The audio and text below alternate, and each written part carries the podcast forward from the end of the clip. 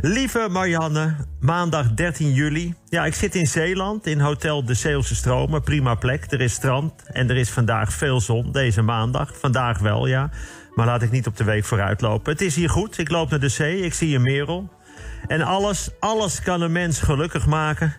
Een zingende merel, een zucht van de zee. Er zijn allemaal blije mensen. Lekker op veel anderhalve meters afstand.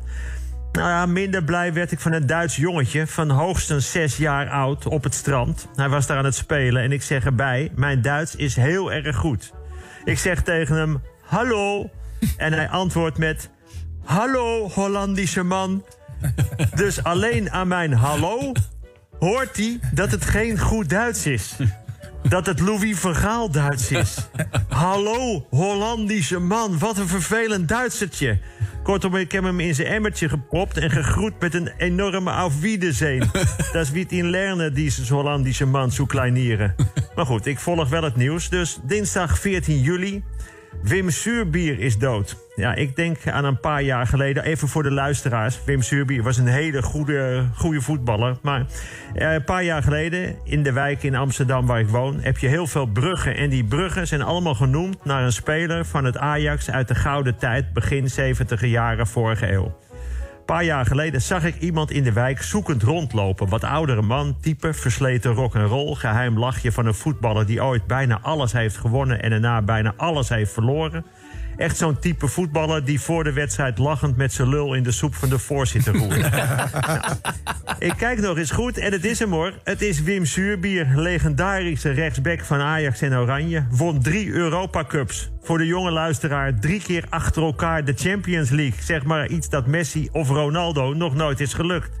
Hij werd met Oranje twee keer tweede op de WK. Hij was razendsnel, scherpe verdedigende tackles, zuivere aanvallende voorzitter en hij was rock en roll. Dus niet zo saai als de meeste spelers nu. Hij was een vriend van George Best. Zoek die maar eens eventjes op. George Best, volgens velen even zo goed als, als Cruijff. Maar Best die dronk en snoof meer dan André Hazen senior en Gordon bij elkaar. Hoe dan? Wim Suurbier. Hij scharrelde door de wijk waar ik woon. En ik, ik riep, hey Wim. Want ik kende hem van... Nou ja, maakt niet uit waar ik hem van kende. Ik zeg, Wim, wat doe je? Hij zegt, ik zoek mijn brug. Ik zeg, nou, dan ga ik meezoeken. En we vonden zijn brug. Hij had een van de grootste bruggen in de wijk. Groter dan de brug van Kruif is die, zeg ik. Hij lacht hard. Hij zegt, dan ga ik nu Johan bellen. En hij belt Johan. Maar dan krijg je Johan niet. Dan krijg je zijn vrouw Danny. Hij zegt, hé hey, Danny, moet je horen. Die van mij is groter dan die van Johan. Wat? Nee, mijn brug.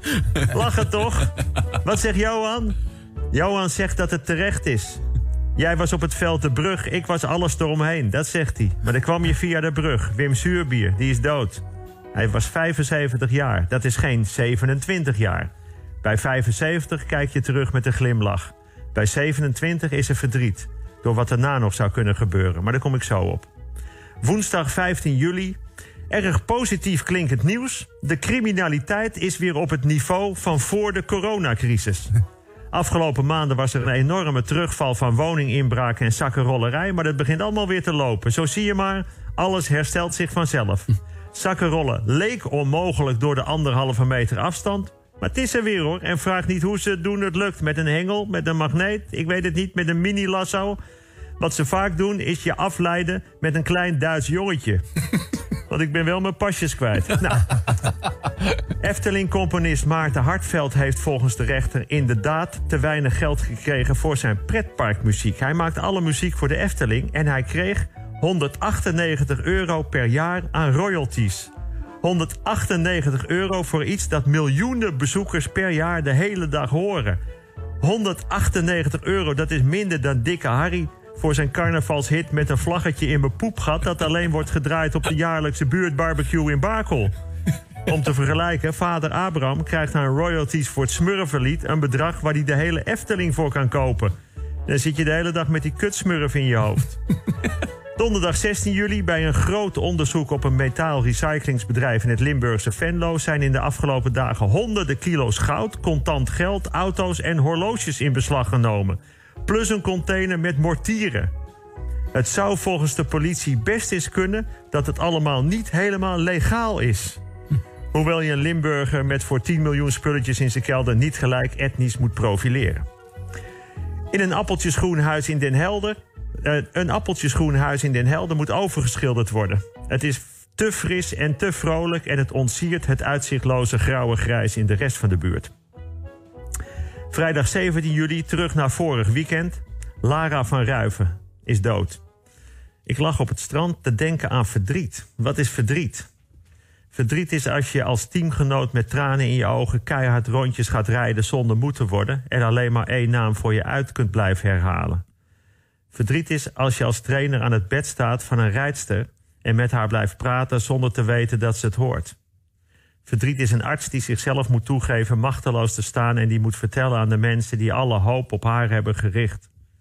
Verdriet is als ouders het meest kwetsbare, degene waar je het meest van houdt door je vingers voelt glippen. Verdriet is drie schaatsvriendinnen die over hun vriendin praten en elkaar steeds vasthouden. Verdriet is invoelbaar, omdat we allemaal iemand kennen van 27 die stralend in het leven staat. Maar dit verdriet is er natuurlijk niet zonder liefde.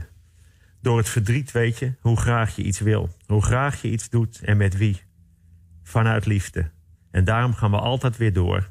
Vanuit liefde. Ik zou zeggen, zorg goed voor elkaar. Hou elkaar vast, net zoals dit team het doet. Tot volgende week.